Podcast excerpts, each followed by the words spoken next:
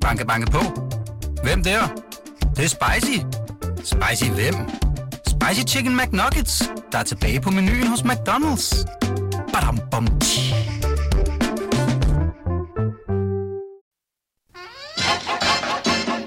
Velkommen til det, vi taler om. Live fra Christiansborg. Din vært er Ditte Ockmann. Velkommen tilbage til Danmarks bedste sladdermagasin. Velkommen til Christiansborg, hvor vi altså sender live. Klokken den er nu blevet øh, efter 8. Alle valgstederne er lukket. Vi har fået øh, en exit poll, og jeg må sige, holy smoke, Ja, er motherfucking Jesus. ja, vi er overrasket lidt, ikke? Ikke så meget. Nå, okay. Du havde forudset, at øh, Socialdemokratiet ville få det sygeste dårlige valg i. Nå, men jeg, jeg, tager, jeg ser, den sidste, jeg har set, der er der faktisk et rødt flertal. Eller så som oh, ja, men jeg mener, ja. det er interesseret. Det tænker jeg da også Ja. ja. er dit parti. Jamen, det er der også. Ja, men det, det vigtigste er jo, at Ja. ja. man har et rødt flertal, og man har mulighed for at fortsætte. Ja, hvis man er rød. Ja, hvis man er rød. det er rigtigt. Ja, det er rigtigt. Ja, ja. Sådan tror jeg, de røde ser på det. Det tror jeg Ja. også. Og øhm, jamen altså, du er lige vendt hjem fra England. Det jeg har faktisk lige været i Sverige i dag. Var det svært? Nå. Jeg synes bare, jeg så dig på Instagram, hvor du var i England. Ja, jamen, jeg har været i England i weekenden. Jeg var i Sverige i, øh, dag, i går og i dag, mm. og kom direkte hjem til TV2. Og på forskellige veje, så er jeg her hos dig i dag. Ja, det er enormt ja. Ja. glad for. Det tog også lidt overtagelse. Nej, det gjorde det da ikke. det der løgn. Jeg begyndte bare, Ja, det begyndte- det, det det kan ikke være rigtigt. og Det er nu må du fandme tage dig sammen. bare med det samme. Ditte sagde, har du lyst til at komme? Ja tak, det vil jeg da rigtig Ja. gerne. Ja. Og nu sidder du her, Ja. så uh, tusind tak for det. Øhm, hvis vi nu kigger, tænker, tænker, kigger på de sidste målinger. Vi er nede på 23,1 eller andet for Socialdemokraterne. Men nu skal vi ikke snakke målinger, nu skal vi kun snakke prognoser. Ja, ja, og nå, exit men, poll. om det ja. er faktisk, øh, det jeg, vil- det jeg ville spørge om, det var dengang i 19, nej, i 15, Ja. da du træder tilbage på valgaften. Ja. Der har I faktisk et, øh, jamen altså, har I 26,3 procent, Ja, så vidt jeg vi, husker. ja. Og det så åbenbart så dårligt ud, at, at det kunne øh, partiet ikke bære, og du måtte øh, Jo, jo. træde ned. Ja, men jeg, jeg føler slet ikke, at jeg, jeg skulle træde ned okay. På baggrund, fordi alle kunne se, at det var et rigtig, rigtig fornuftigt resultat. Så jeg har aldrig egentlig følt mig tvunget til at træde tilbage. Jeg føler godt, at jeg kunne have fortsat og kæmpet for at komme i regering igen, hvis, jeg, hvis det var det, jeg havde ville. Men jeg var ret sikker på, at det ikke var det, jeg ville. Hvorfor? Fordi jeg havde været mere end 10 år formand for Socialdemokratiet, og jeg havde i den periode presset dem meget, meget hårdt til at flytte sig igen og igen fra deres comfort zone og kom, få nye holdninger til mange ting. Og at nogle gange så havde vi det nok lidt sådan, at de var nok lidt træt af mig, jeg var nok lidt træt af dem. Og det der med at sætte sig tilbage i sit gamle kontor, som ligger lige hernede ad gangen, og starte på en frisk som i opposition, jeg kunne simpelthen ikke se det. Og derfor så tænkte jeg, jeg tror det er nu, at jeg skal efter overlade det her. Jeg vidste også at jeg rigtig gerne ville have posten. Jeg vidste, der var en person, som gerne ville, og kunne jo også. Øhm, og, og derfor var det det rigtige tidspunkt. Jeg har af og til tænkt, skulle jeg have blevet og Ja. så slået Lars Lykke øh, igen? Men jeg tror, at det er det, det var det rigtige at gøre. Det er det, du siger med, at du var måske lidt træt af dem, og de var lidt træt af dig. Altså, jeg, jeg kommer bare i tanke om øh, Lykketoft. Mogens Lykketoft, Ja. ja. der holder en øh, tale til sin 70-års fødselsdag. Faktisk her på Christiansborg, så vidt jeg husker, var det i læsesalen, hvor han får sagt... Øh, Dels at Lars Lykke er en lille svindler, og det var, Ja. ja. men, men han får også sagt, at øh, din regering, som jo var Socialdemokratiets, øh, altså du var jo statsminister, den var både talentløs og profilløs. Ja, det er ret vildt sagt. Ja, det er ret vildt ja, sagt. det er ret vildt sagt. Og jeg, det kan jeg faktisk... Jeg har aldrig kunne forstå, hvorfor Lø, Lykketoft skulle være så, øh, så negativ over for, for en del af vores fælles socialdemokratiske historie. Også al den stund, at det, at jeg rent faktisk kunne præstere et, et rødt flertal og blev statsminister, det betød, at han kunne sætte sig ind i det fine kontor som øh, formand for Folketinget. Så så dårligt var det jo heller ikke. Udover at han også blev sendt, sendt på en fin post i FN af ingen ringer end mig selv. Så jeg har altid undret mig øh, lidt, at han var så ivrig efter at nedgøre det, som øh, blev skabt i de år, hvor jeg var statsminister. Men den nuværende regering har jo også brugt ret meget tid på at lægge afstand til ikke mindst din økonomiske politik, ja. som øh, jo har været med til at skabe det fundament, der gjorde, at man havde råd til at bruge rigtig mange penge under coronahåndteringen. Har det ikke været svært at se på udefra, Jo, at det jeres det resultater blev øh, sådan, øh, negligeret Jo, eller det faret af det banen? da. Og i starten var det jo også sådan meget med, at der skulle lægges afstand til Bjarne og mig. Øh, men men det, er- der er også, der, livet er jo også noget om, hvordan reagerer man på, at folk har anderledes holdninger, eller prøver at lægge afstand.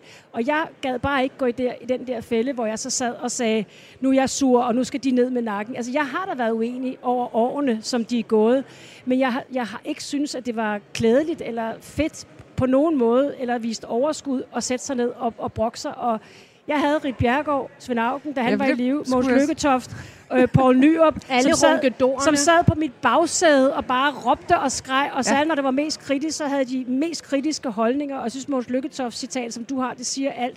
Ved du hvad, jeg gad ikke være den person. Og det er lidt et valg om, hvordan man, hvordan man vil være. Og jeg har også tit været sur på. Jeg har jo meninger om alt, og meninger om alt hvad socialt, men jeg har ikke været enig i alt. Men, men det har været en befrielse at tage den beslutning. Men ikke? hvis du nu skulle gøre regnebrættet op, synes ja. du så ikke, at du i virkeligheden skylder dem en flad? øh, jeg vil selv sige det på den måde. Nu er, nu er der er stadig en politiker gemt i mig, synes det vil du kunne høre på det svar, der kommer nu.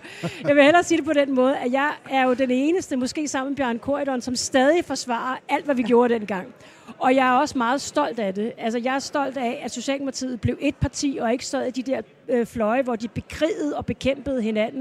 Jeg er stolt over, at vi fik styr på vores økonomiske politik, vores skattepolitik, vores integrationspolitik, indvandringspolitik.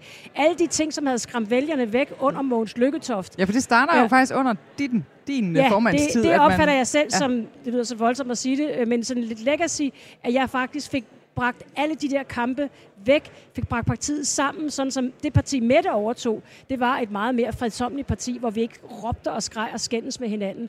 Og Mogen stod Bortset jo for den... fra de gamle. Ja, og Mogen stod jo for den der splittelse. Øh, det var jo det, der gjorde, at det gik så galt, fordi der var jo en Augenfløj og en Nyopfløj og Mogens midt imellem, og nogle gange med de ene, nogle gange med de anden. Det var der ikke noget folk, de gad at stemme på, Men og det viste sig jo også ved valget. Nu har du været statsminister Helle. Tror du ikke præcis det, der kommer til at ske efter valget, det er den type økonomiske politik, som du og Bjarne Korydon stod jo, for? Jo, det tror jeg da. Øh, ikke på, ikke på, altså, vi er, en anden, vi er en anden tid.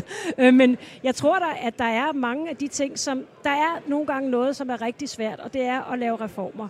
Fordi nogle gange, når man skal lave reformer, som virkelig gør noget for den økonomiske situation, så går det ud over nogen. Så er det nogen, der, nogen, der ikke får det, det samme, de har haft hele tiden, eller er skuffet over et eller andet.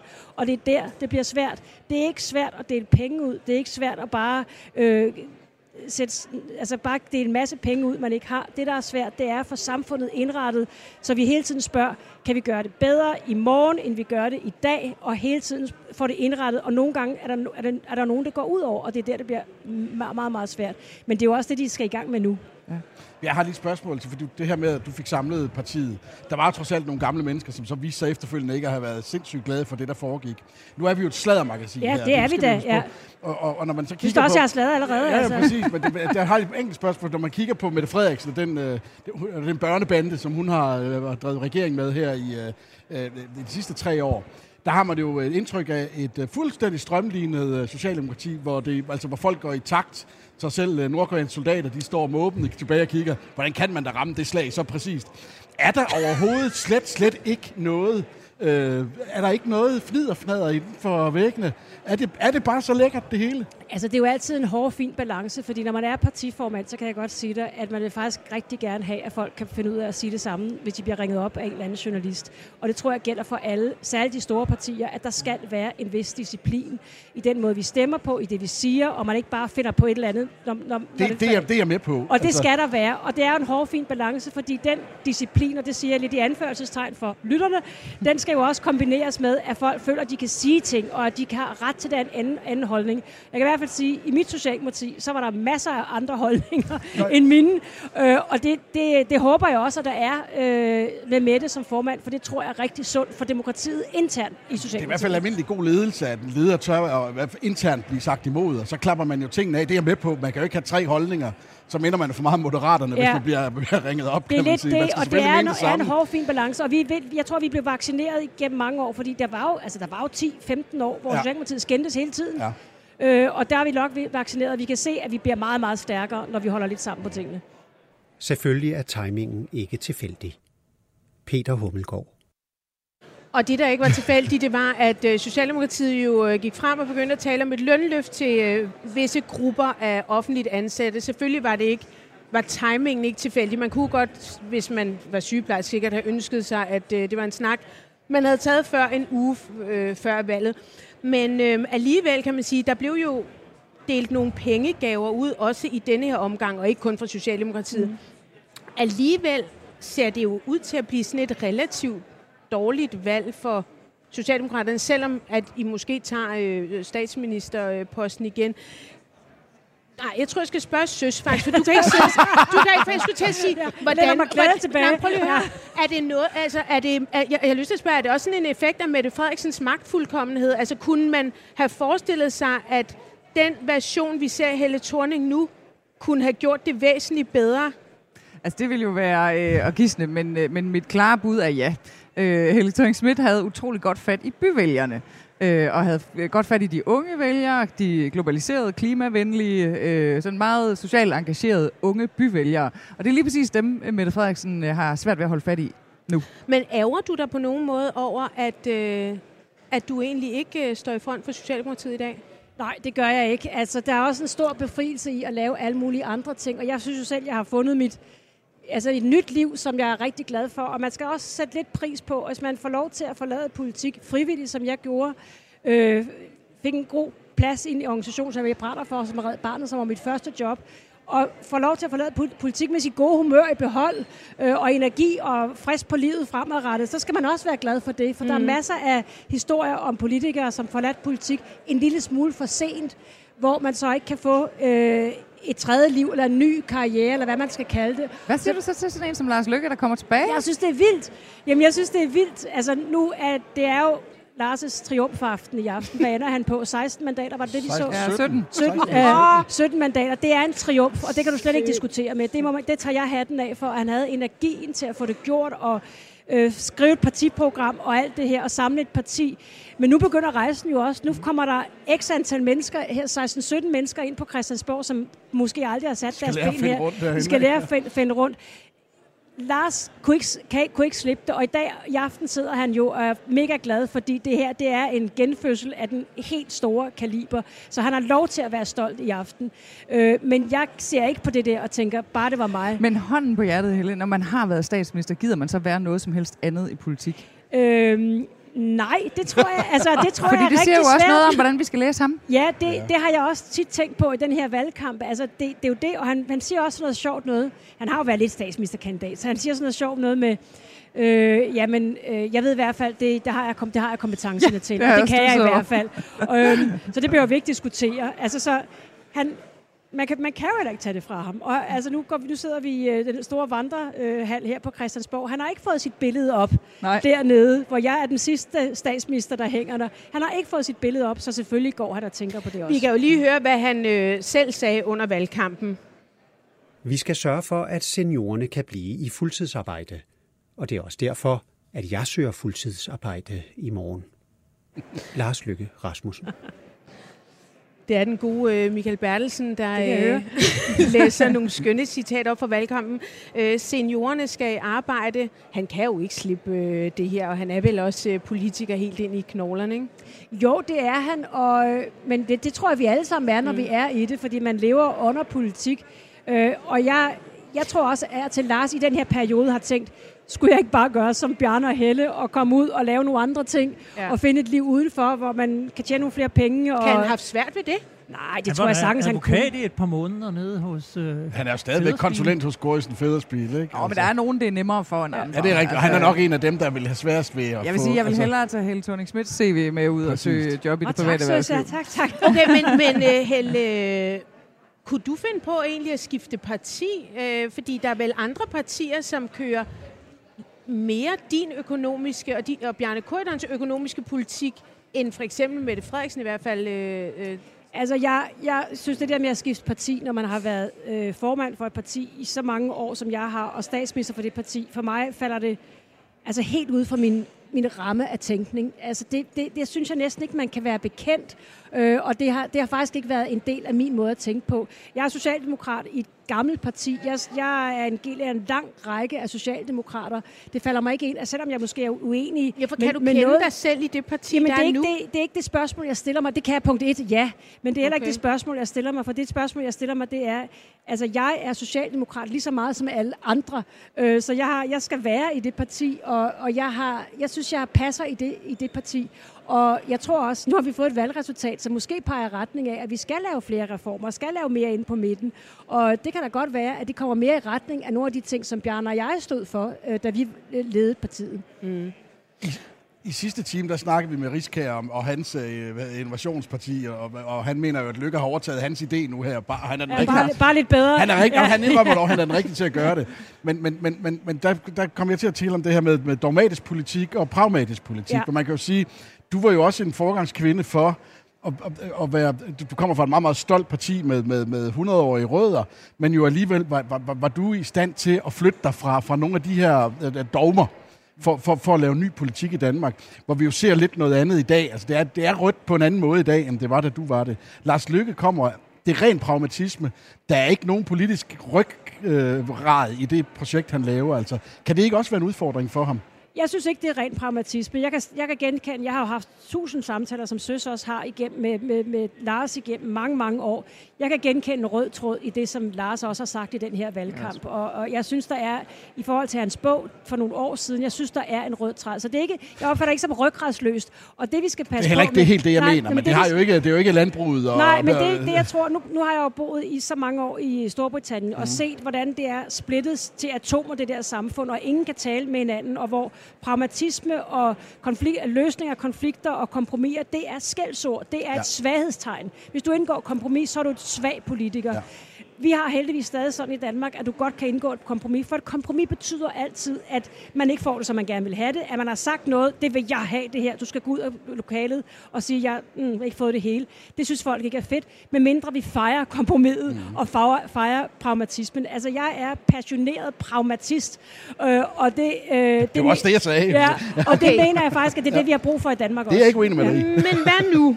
Altså, øh, nu har du skrevet bog, og Ja, du hvad skal der ske? Ja, Jamen, kan jeg få en fast plads her i hold- her på det, holdet? Det kan du sagtens. det, det kan du sagtens. Jeg mente det ikke. Ja, nej. Øh, nå, men altså... Øh, og så, sid, så arbejder du for Facebook stadigvæk? Nu, nu hedder det jo Meta. Altså, jeg arbejder ikke for Meta. Jeg sidder i deres uafhængige øh, råd, som vurderer, hvilket noget indhold de skal lade ligge på platformene Instagram og Facebook, ja. og hvad de skal tage ned.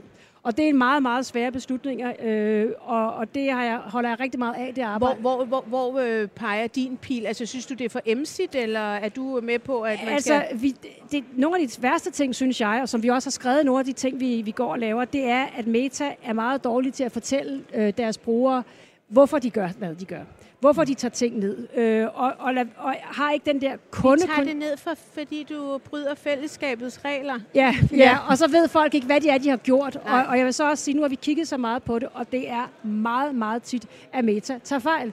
Vi har jo oplevet, når vi tager sager op, at så begynder vi at kigge på sagerne, og så, så sender vi dem til Meta bagefter, så siger de, nå ja, men der har vi faktisk også taget fejl. Det sker meget, meget tit, at de tager fejl. Så det er, de har også nogle, en, nogle, en måde at gøre det på, så de ikke altid rammer rigtigt. Men det er vel både sådan noget børneporno, man det vil... tager de ned. Ja, ja, ja. Men, Altså, men, og så men er det er ikke det, de, altså, over. fordi øh, sådan noget, alt hvad der involverer børn og sex, det tager de ned, og det, de sager ser vi faktisk ikke, ja. for det tager de Men ned så er der det også samme. de politiske sager, hvor man lige pludselig også ser, at der forsvinder ting, hvis du skriver et navn, eller der forsvinder ting, hvis du er øh, kritisk over for covid-vacciner. vi havde en meget fed sag om covid faktisk, fordi der var en borger i Frankrig, som havde skrevet noget om covid, og havde kritiseret regeringen, og altså en meget hårde øh, ord.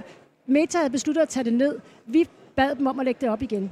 Mm. Og det har vi gjort rigtig mange gange, hvor vi siger, at ytringsfriheden den er så vigtig, at nogle gange så øh, må den veje tungere, end at man skal sige en eller anden sandhed, som nogen har bestemt er der. Så vi bad faktisk i det tilfælde, så bad vi Meta om at putte den op igen. Og siden da har de lavet en, en meget bedre politik på hele mm. covid-området. Men hvad... Øh, jeg ellers og laver, Ja, ja. så, så, du bliver vel ikke bare forsørget af Steven, og Nej, det gør jeg helt bestemt ikke. dine børn betaler stadig husleje derhjemme? Nej, og... det gør jeg ikke. Altså, jeg sidder i en række bestyrelser, Ja. og så laver jeg det her for Meta. Øh, så det er det, jeg laver, og det, mm. jeg har rigeligt at lave. Du har og rigeligt at lave. holder også et par foredrag ind imellem og Ja, sådan noget. ja, ja. Så, så det, er, det er ret fedt. Altså, det er jo ret fedt at kunne bestemme over Dit sin egen liv tid. ser ret fedt ud ved Ja, ja, men du skal ja. huske på, at alting ser federe ud på Instagram, fordi man ser jo ikke i de Ej, der det passer morning... ikke, fordi nu ser vi dig faktisk live. Du ser Ja, ja. mindst lige så Men godt du ud. så mig ikke i morges, da jeg skulle op klokken 6 og Nej. holde et møde og være Nej. klar øh, sammen med Vestas bestyrelse klokken halv 8. Øh, der var jeg rigtig, rigtig træt. Okay. Og så, så Instagram, det er jo bare små postkort, Ja, ja, så det vil jeg godt sige derude. Det er ikke altid, man ser flot ud. Eller, Vi, øh, vi kommer til at invitere dig ind igen. ja, ja, jeg kommer. i løbet jeg tør ikke sige nej, Ditte. Og ja, nej. Altså, det, Men vi behandler dig altså også... Og øh, lytterne. Ja, jeg bliver behandlet Ja, rigtig det godt, så det kan. I ikke blive ved med. Nej, Jeg, nej, nej. Jeg skal bare lige høre, forstår det rigtigt, at. Det er ikke virkeligheden, vi ser på Instagram. Det, nej, det er det virkelig ikke. Se det som postkort. Ja. Tak fordi du kom. Tak, fordi jeg måtte komme. Thorning-Schmidt. Vi skal sørge for, at seniorerne kan blive i fuldtidsarbejde. Og det er også derfor, at jeg søger fuldtidsarbejde i morgen. Lars Lykke Rasmussen. Det ser jo ud til, at Lars Lykke får et øh, fuldstændig forrygende valg. Jeg ved ikke, om vi skal prøve øh, at få fat på en journalist, som er over og besøge moderaterne, fordi øh, de må sgu da have lidt af en fest derovre. Hvad siger du, Søs? Er du overrasket over... Øh, Øh, altså, da vi gik ind i valgkampen, havde jeg jo ikke forventning om, at det ville lande på det her niveau overhovedet. Mm. Der lå Lars Lykke og Moderaterne til 3 procent point. Øh, det på ingen måde noget prangende. Men som valgkampen er skrevet frem, kan jeg egentlig godt forstå, at der er flere og flere vælgere, der søger derhen. Mm. Øh, de borgerlige vælgere har jo haft svært ved at finde et sted, hvor de sådan kunne være stolte af at sætte deres kryds. Øh, og det sætter altid bevægelse i nogle ting. Venstre er blevet delt i tre partier, øh, og den konservative øh, statsministerkandidat er ligesom kollapset. Samtidig så er der altså Ej, rigtig... shit, hvad var det? 5, et eller andet? De, øh, ej, Ja, ej, det jamen, det er jo helt kan jeg frygteligt. faktisk ikke huske det, Det er helt præcise frygteligt. tal. Trækker det var- han sig? Der er en tradition for, at hver gang man fucker op, sidst i fald. hver gang man fucker op som konservativ, så skal de have en ny øh, leder. Jamen, det burde de også lade være med. Altså, det Ja. er, de har virkelig en, øh, en grim tradition hos de konservative for at vælte deres formand alt for nemt. Øh, og prøv at lægge mærke til, det kommer så ikke til at ske den her gang. Men hver gang en konservativ formand er blevet væltet, så har Brian Mikkelsen stået øh, ved skulderen øh, bagved og været den, der har prikket nogen på skulderen. Og hver gang der er blevet valgt en ny formand, så har Brian Mikkelsen stået der. Men nu er han altså direktør over i Dansk Erhverv. Så nu bliver det spændende at se, om der er en formand, der Er får det lov til at... Rasmus Jarlov? Altså, det, det, Nej. Vi skal først igennem regeringsforhandlingerne, før vi overhovedet ved, om der er formænd, der bliver væltet. Mm. Øh, fordi hvis man kan levere regeringsmagten, det samme gælder jo for en Sofie Carsten Nielsen, som også har fået et forfærdeligt valg, eller får et forfærdeligt valg, det ud til i aften.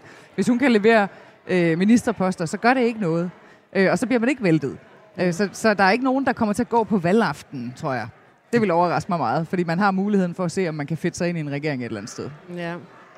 Vi kommer til at skulle tale om øh, Trine Bramsen og Forsvarsministeriet om et øjeblik.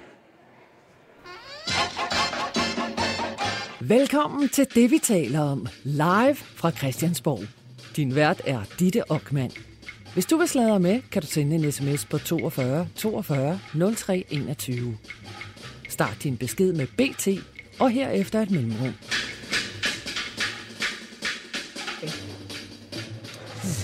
Vi sender live fra øh, Christiansborg. Vi sidder i øh, Vandrehallen, og vi har lige haft besøg af Helle thorning Schmidt.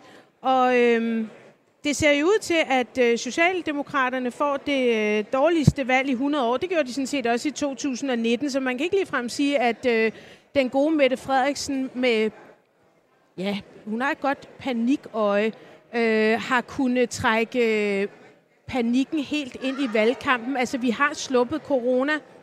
Vi skal Vi passe på. Det er exit polls, vi har set Ja. nu. Okay, okay. Øh, hun er, Det er bare mig, der forbavsende... håber. Ja, fordi du skal tænke på... Øh, Der sidder nogen oppe i Grønland. der sidder tre er nordatlantiske mandater. Der sidder Ja, ja. tre nordatlantiske, ikke? Jo, jo. Så er vi nede de på plejer sgu da 87. rød. Ja, ja.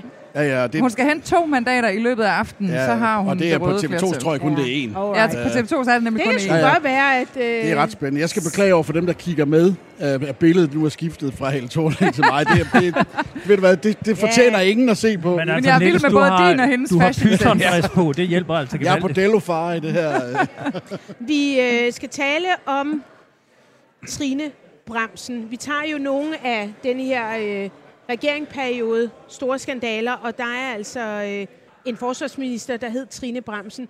I hvert fald i manges øjne, og måske i særdeleshed forsvarets øjne, var hun i sig selv en skandale. Peter Ernstved, du er, øh, ja, du er jo redaktør, chefredaktør på? Olfi. Ejer. Du ejer, du ejer olfi.dk. Me- Mediemogul. Mediemogul. Ja, det synes jeg også, det passer Ja. til dig, Peter. Den danske møder. Altså jo et meget øh, specialiseret øh, medie, som øh, altid kigger på forsvaret.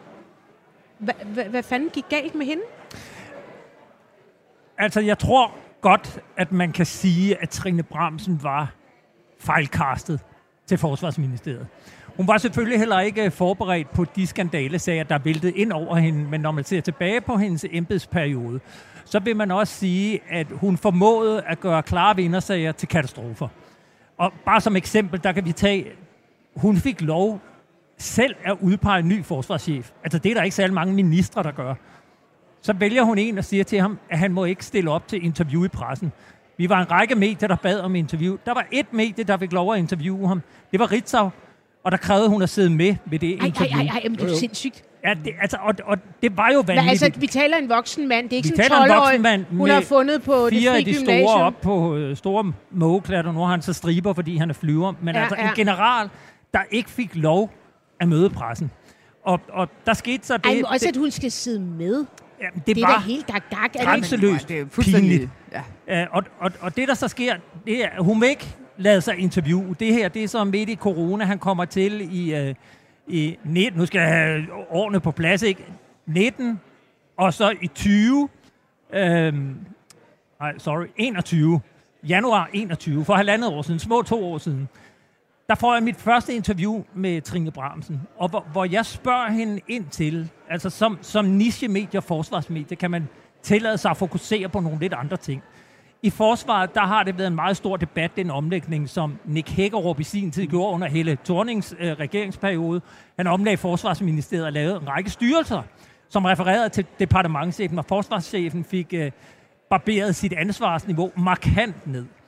Øh, og, og det spørger jeg så øh, Trine Bramsen om, og hun, hun sidder så i det interview og kalder ham styrelseschef. Mm. Og jeg citerer det jo, jeg har det på bånd, jeg spiller det også, jeg er øh, vært på et radioprogram på Radio 4, der hedder Frontlinjen, og spiller det her med, med styrelseschefen. Og det, der sker i forbindelse med det interview, som altså er i januar, det er, at hun gør det meget klart, at forsvarschefen som styrelseschef skal ikke tale med pressen. Og der havde jeg fået lovning på et interview med forsvarschefen. Og da jeg har interviewet Trine Bramsen, og offentliggjort interviewet og spillet det i radioen, så kommer meldingen fra Forsvarskommandoen, at øh, forsvarschefen desværre ikke øh, kan stille op til øh, interview med pressen. Og så er det, jeg stusser meget over, hvad fanden er det, der foregår, og søger agtindsigt. Og der ser jeg så en agtindsigt, at der på et tidspunkt går en besked fra ministeriet til Forsvarskommandoen, at det her interview med Ritzau-journalisten, det var, øh, det var blevet noget anspændt. Øh, og, og det var i hvert fald ikke kørt helt efter bogen der den dag, hvor han tiltrådte. Og så er det, jeg ringer til journalisten, der hedder Thomas He, som siger, da jeg ringer til ham, der er han lige stoppet på Ritzau, øh, har selv sagt Og du op. ringer og spørger, hvad fanden foregik ja, der? ja, så, så spørger hvad er det, der står her? Hvad, hvad skete der der? Så siger han til mig, at han var meget glad for, at jeg ringede, fordi det var faktisk vigtigt, at det her kom frem, hvordan det foregik. Fordi det, der skete under det interview, som han skulle lave med forsvarschefen, der sad hun med, og da hun syntes, hun fik for få spørgsmål, så begyndte hun at svare på forsvarschefens spørgsmål. Og på et tidspunkt siger journalisten, jeg tror, det er bedre, hvis forsvarschefen selv svarer, hvorefter at øh, Trine Bramsen vandrer ud af sit kontor, meget fornærmet, kommer tilbage med en presserådgiver, og, og det hele ender Ej, bare ej, sådan ej. lidt øh, akavet. Ikke? Og det fører til hele den debat der i starten af, øh, af året, hvor, hvor det jo kommer frem, det her med, hvorfor er det, du har behov for at kalde ham styrelseschef? Hvorfor er det, at han ikke må møde pressen og, og give interview? Og det er jo sådan en sag, som normalt for enhver forsvarsminister, der selv får lov at pege på en forsvarschef, kan shine Ja, jeg skulle til at sige, hun må da være helt lykkelig det er jo og bare skubbe win-win. ham frem, skubbe ham frem, skubbe ham frem, når det ligesom er hendes opfindelse. Det er en kæmpe win-win-situation. Og det, og det formøblede hun altså fuldstændig til, at hun fik hele oppositionen på nakken. Vi skal huske, forsvarsområdet handler jo om udenrigs- og sikkerhedspolitik. Og der er sådan generelt en meget bred holdning blandt de gamle partier om, at det er vi enige om. Altså helt fra Nye Borgerlige og Dansk Folkeparti over til nogle gange SF, men i hvert fald S med, at det er vi enige om. Og vi er, vi er også enige om, at vi er nødt til at have konsensus på forsvarsområdet, fordi det er for vigtigt til at lave partipolitik på. Men i løbet af ingen tid, der formåede Trine Bramsen altså at, at gøre sig til den mest upopulære minister. Hun fik oppositionen på nakken, hun blev kaldt i samråd efter samråd, og endte jo så også med få måneder senere, efter alt det her med styrelseschefen, der er det, at øh, den tidligere herrchef, Hans Christian Mathisen, bliver dømt ved, ved, ved retten i Viborg, og hvor, hvor der kom et meget kritisk lys på den daværende forsvarschef, øh, som hed Bjørn Bisserup, og hvor hun også siger, jamen, skulle jeg fyre ham, jamen, så, så er der bare den næste officer, altså bliver det bedre med Ja, dem? ja, ja, som om de alle sammen bare var øh, altså, hun kæmpe idioter. med alt Men og hør lige her, jeg, jeg sad jo og tænkte, hvad kræver det egentlig at være forsvarsminister i Danmark? Fordi nogle gange så sad jeg og tænkte, om det var noget, man bare kunne altså, tage ned på en eller anden folkeskole, og så bare hive en eller anden, eller måske gymnasie, hive en eller anden ud og sætte ind på posten. Hvad, hvad kræver det at blive forsvarsminister i Danmark? Altså, det kræver ret meget, fordi det kræver, at du har indsigt i en lang række Altså formelt set stofområder. kræver det jo ingenting. Det kan være, vi lige Ja, skal starte det er der. rigtigt. Jamen, Altså, det, det er lidt det det, jeg, jeg, jeg tænker, Hvem som helst kan blive udnævnt til et givet område. Jeg sidder og Ja. venter på et telefonopkald i Ja, aften. og det er... Jamen, så skal du melde dig ind i et parti. Nej, nej, det behøver jeg ikke. Det, det, det kan man behøver gøre, du faktisk behøver man ikke. faktisk Nej, det er fuldstændig ret i. Så formelt set er der jo ikke nogen krav. Altså, der er jo ikke en eller anden Men optagelsesprøve. hvem fanden har så forestillet sig, at hun var den bedste til den post? Er Ja, det Mette Frederiksen? Nej, men fordi et er, at oppositionen er imod, og pressen er imod, men du får, du får jo altså også en dårlig moral i, øh, i styrken. Jeg, prøver, Øh, altså, og, og det er jo næsten det værste. jeg, jeg synes altså, også, det er interessant, at vi har fundet ud af her efterfølgende, at, at uh, Thomas Arnkiel jo tydeligvis ønskede at komme væk Som fra dengang var i Han var departementchef i Forsvarsministeriet. Han blev så en del af hele den her FE-skandal, fordi han blev også hjemsendt. Han, han ønskede at komme væk fra Forsvarsministeriet, fordi han ikke kunne holde Trine Bramsen ud. Så blev han til forfremmet Berlin. til ambassadør i Berlin. Åh, Gud, ja. Og så kom hele den her FE-skandale, hvor lige pludselig kunne man godt se, at en mand, der også havde været chef for FE, mens fire andre chefer i FE blev hjemsendt, så var det måske ikke så kønt, at, at en tidligere chef blev ambassadør i Berlin. Så røg han med i puljen, der blev hjemsendt. Øh, Så Må jeg, må jeg lige spørge, holdt de en kæmpe fest, da det var, at Trine Bramsen stoppede som forsvarsminister? Der blev ikke holdt fest, men jeg tror godt, jeg kan sige, at der var en kæmpe lettelse øh, i hele ministeriet og i forsvaret generelt. Og, og jeg kan jo bare sige, jeg har jo dækket forsvarsområdet i hele den tid, Trine Bramsen var forsvarsminister. Jeg havde et møde lige da hun var tiltrådt, hvor vi drak kaffe på tomandshånd, og hun ville høre, hvor- hvordan at hun kunne øh, hjælpe mig med at lave journalistik, og hvordan kunne Ej, vi kunne få et godt hende. samarbejde.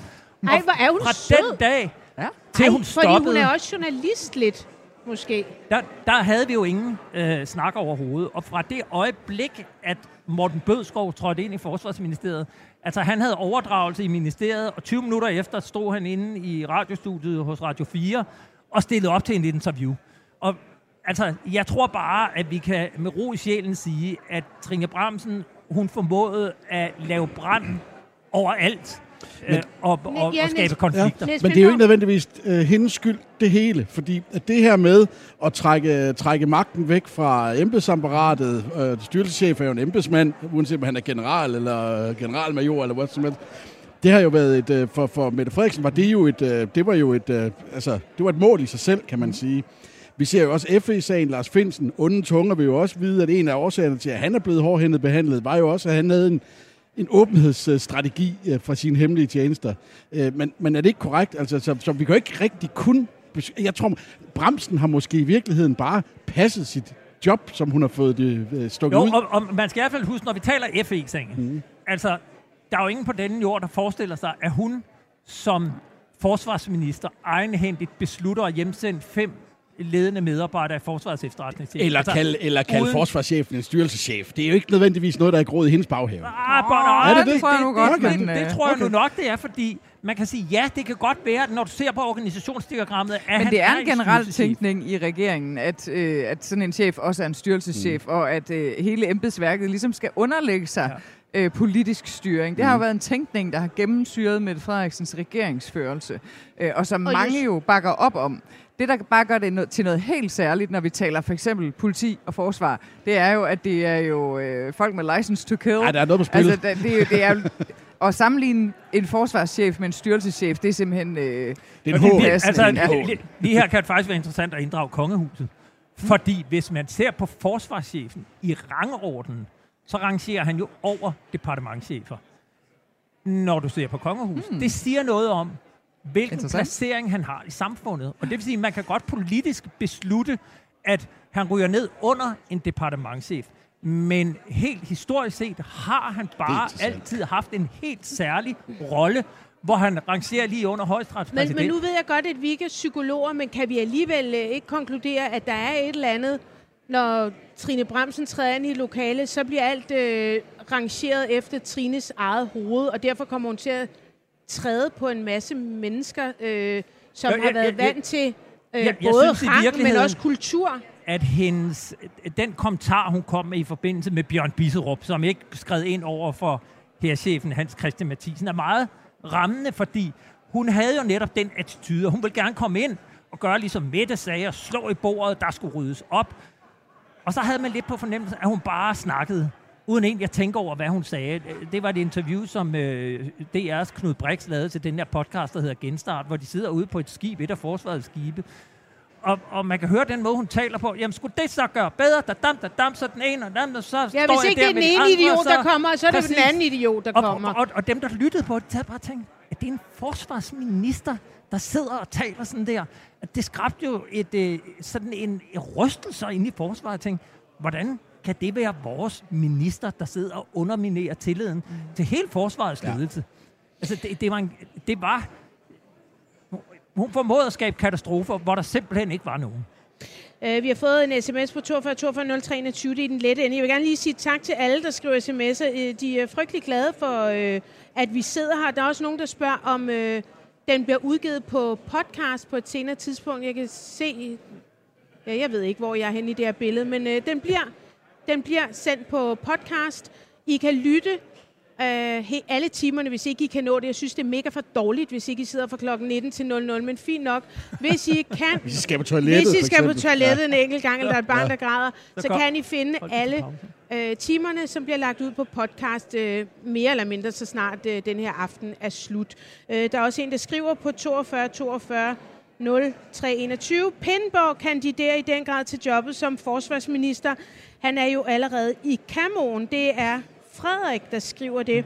Der er også en, der Så vil skriver... jeg gerne have et interview. Ja, det får du. Der er også en, der skriver, altså nu i sidste time til jer, som er hoppet på nu, i sidste time, der talte vi om seks skandaler på Christiansborg, øh, og dem har der faktisk været en del af i denne her øh, regeringsperiode. Båret af MeToo jo også. Både helt klart af Ja. MeToo, men det er jo seks Det er skandaler. det. Altså, det var Morten Østergaard. Gud, vi glemte Christian Hegård. Holy shit. Han havde også fyret den af, men det var godt nok over i Kødbyen. Øhm, der er en, der skriver, at Frank Jensen, aka Øreslikkeren, er til valgfest hos Socialdemokratiet Så bliv væk. med en fadøl i hånden. Pas på Åh, oh, jeres Gud. ører i aften. Det er lige nedenunder her jo. Ja. Han var jo faktisk også øh, inviteret til øh, den store Tour de France-fest inde på Rådhuset. Vi talte om, at, at, at det var Bjarne Ries ikke. Men, men Han det, var, også kun vundet det var turen. Frank Jensen. Hjemme hos os, når vores hund den slikker os i så siger vi, åh, de lille Frank Jensen. ja, ja, ja. øhm, og ja, vi kan altså, I kan alle sammen høre det hele øh, på podcast, hvis ikke I, I lige var med. Jeg kunne godt tænke mig at komme til, øh, jeg kunne godt komme, tænke mig at komme over til øh, Moderaterne, men det kan være, at vi skal ringe til dem i, øh, i pausen. Søs, Ja. skal vi øh, lige tale en øh, lille smule, øh, hvad, hvad kan vi regne med sådan her i løbet af... Altså, det bliver sindssygt spændende i aften. Altså, vi var sådan lidt spændt på at se, om den her første exit poll i virkeligheden ville aflyse spændingen for i aften. Ja. Hvis der nu havde været rent rødt flertal nu, så tror jeg, vi alle sammen var blevet sådan lidt, uh, nå okay, Ja. så var det heller ikke mere spændende. Men øh, Og kunne Mette så, tror du, lave en enhærs regering igen? Altså, Ja. kunne hun værke så kold i røven? ja, det tror En jeg. etpartis regering. Det tror jeg rent faktisk, fordi... Jeg, Ja, Alternativet kan de jo ikke leve med. Nej, men man skal, Altså- lige, men, men, men man skal huske, under alle omstændigheder har hun jo tabt noget. Hun har tabt sit parlamentariske grundlag. Øh, der er mange, der regner Alternativet som en del af Mette Frederiksens grundlag, men det har, det har de jo ikke hed, hidtil været. Så Nej. Hvis nu det, det røde flertal materialiserer sig, så skulle hun altså også kunne få dem med ombord. Men det helt store og spændende spørgsmål i aften, det er jo, kan hun klare sig uden Lars Lykke, eller øh, bliver Lars Lykke tungen Men på hvad så, når hun har sagt sådan, ja, men det vi er også ved at være klar på høre. Da det var, at Lars øh, Lykkes Lykke strammede under sidste valg, Mm. Og, og skriv dem på. der øh, lige pludselig trådte han frem sådan, jeg synes, vi skal arbejde hen over midten, og jeg er skide træt af blokpolitik, og nu skal vi en samarbejde om. alle sammen. Og der sagde Mette Frederiksen sådan, øh, jeg tror, vi har lidt for mange uenigheder til, det er en god idé. Klip til tre et halvt år senere, hvor hendes lykke strammer, hvor hun går ud og siger, øh, jeg synes faktisk, det er en ret god idé med noget samarbejde hen over midten. Ja, dansk politiks kan- Hail Mary Pass. Jamen, kan hun tillade sig at bare altså, skride fra den øh, udtalelse? Nej, hun er nødt til at prøve at, øh, at gå, øh, gå igennem, men der, vi skal lige holde fast i noget. Det første spændende, når vi har valgresultatet i aften, det er, er der 90 mandater imod Mette Frederiksen? Eller kan hun gå direkte over i statsministeriet og forhandle? Altså, det skal Ja, ja, vi simpelthen have svar på de andre, fra de andre partiledere. Forlanger de en dronningerunde? Hvis ikke de gør det, så kan hun bare gå over i statsministeriet og begynde Skal at du lige forhandle. forklare, hvad en dronningerunde er? For Dronningerunde, det er, hvor man øh, alle partilederne tager til dronningen øh, med 10 minutters mellemrum, afleverer en seddel med et navn på, og der peger de på en, der skal være kongelig undersøger. Og det er, Ligesom altså, Robinson. det er den... Ja, det er, Det er lidt Robinson. Ligesom Robinson. Det er ø-rådet. Så, og bortset fra her, der vælger man så den, der skal prøve at sætte et hold. ja, okay. øh, og så har vedkommende ligesom forhandlingsmandatet, øh, og må forhandle indtil man måtte vende tilbage til dronningen og sige, jeg kan ikke få det til at gå op. Øh, og så tager man en ny dronningerunde. Ja. Øh, og, og forventningen er jo, at vi kan, vi kan risikere at komme igennem flere dronningerunder, fordi forventningen er, at der kommer et flertal imod Mette Frederiksen i aften. Men lad os nu se. Øh, Ja, ja, ja, det er meget så spændende. udløser det en er dronning, en dronningerunde, og så er hun jo nødt til at undersøge, om hun kan danne en bred regering. Men det er klart, hvis hun nu har det røde flertal, så er det jo ikke sikkert, at hun undersøger det helt så grundigt, som hvis hun ikke havde det røde flertal. Mm. Men hun er nødt til at tage den der runde igennem. Så er det også spændende at se, kan de blå partier så lige pludselig blive enige om at pege på for eksempel Lars Løkke Rasmussen, for at sige, Aha, nu kan du prøve at se, om du kan danne det brede projekt, fordi det vil han sikkert også finde ud af, at så nemt er det heller ikke. Og på den måde kan vi i virkeligheden komme igennem flere dronningerunder, som er sådan lidt drillerunder i virkeligheden. Ja, ja, ja. Øh, så så det, er altså, det, det er slet ikke over endnu. Men som det ser ud nu, de er ikke, det er meget få stemmer, der afgør, om der er øh, øh, øh, helt rødt fl- flertal. Og Ja, det er det, det er altså det- virkelig tæt på. ja, det er meget, meget interessant. Jeg ved ikke, hvor mange af jer, der nåede hjem og hente vasketøj her i eftermiddag. Det gjorde jeg desværre ikke. Men det var rigtig, rigtig billigt. For det blæste meget. Sofie Karsten Nielsen. Det, det synes jeg er vildt, at hun har, at, at hun har et drengenavn. Karsten. er det? Ja, jeg tror ikke, det er så unormalt. Jeg det, synes, det det, er til, du hed... Øh, Ditte Brian Ockmann. ja, eller Ditte, øh, Ditte, Ditte Karsten Ockmann. Det er lidt specielt. Efter øh, det, det citat følger hun faktisk op med, det synes jeg, vi skal have noget mere af. Og det er altså blæst. Altså, Og der er jeg lidt uenig med Ja, hende. jeg sad og tænkte, Nå, Ja, men ja, hør er lige jeg her. Var der nogen af jer, der tog hjem? Var der nogen af jer, der vaskede i eftermiddags? Jeg vil bare lige sige, at det var rigtig billigt. Det var det, fordi det blæste. Og så siger hun, det synes jeg, vi skal have noget mere af.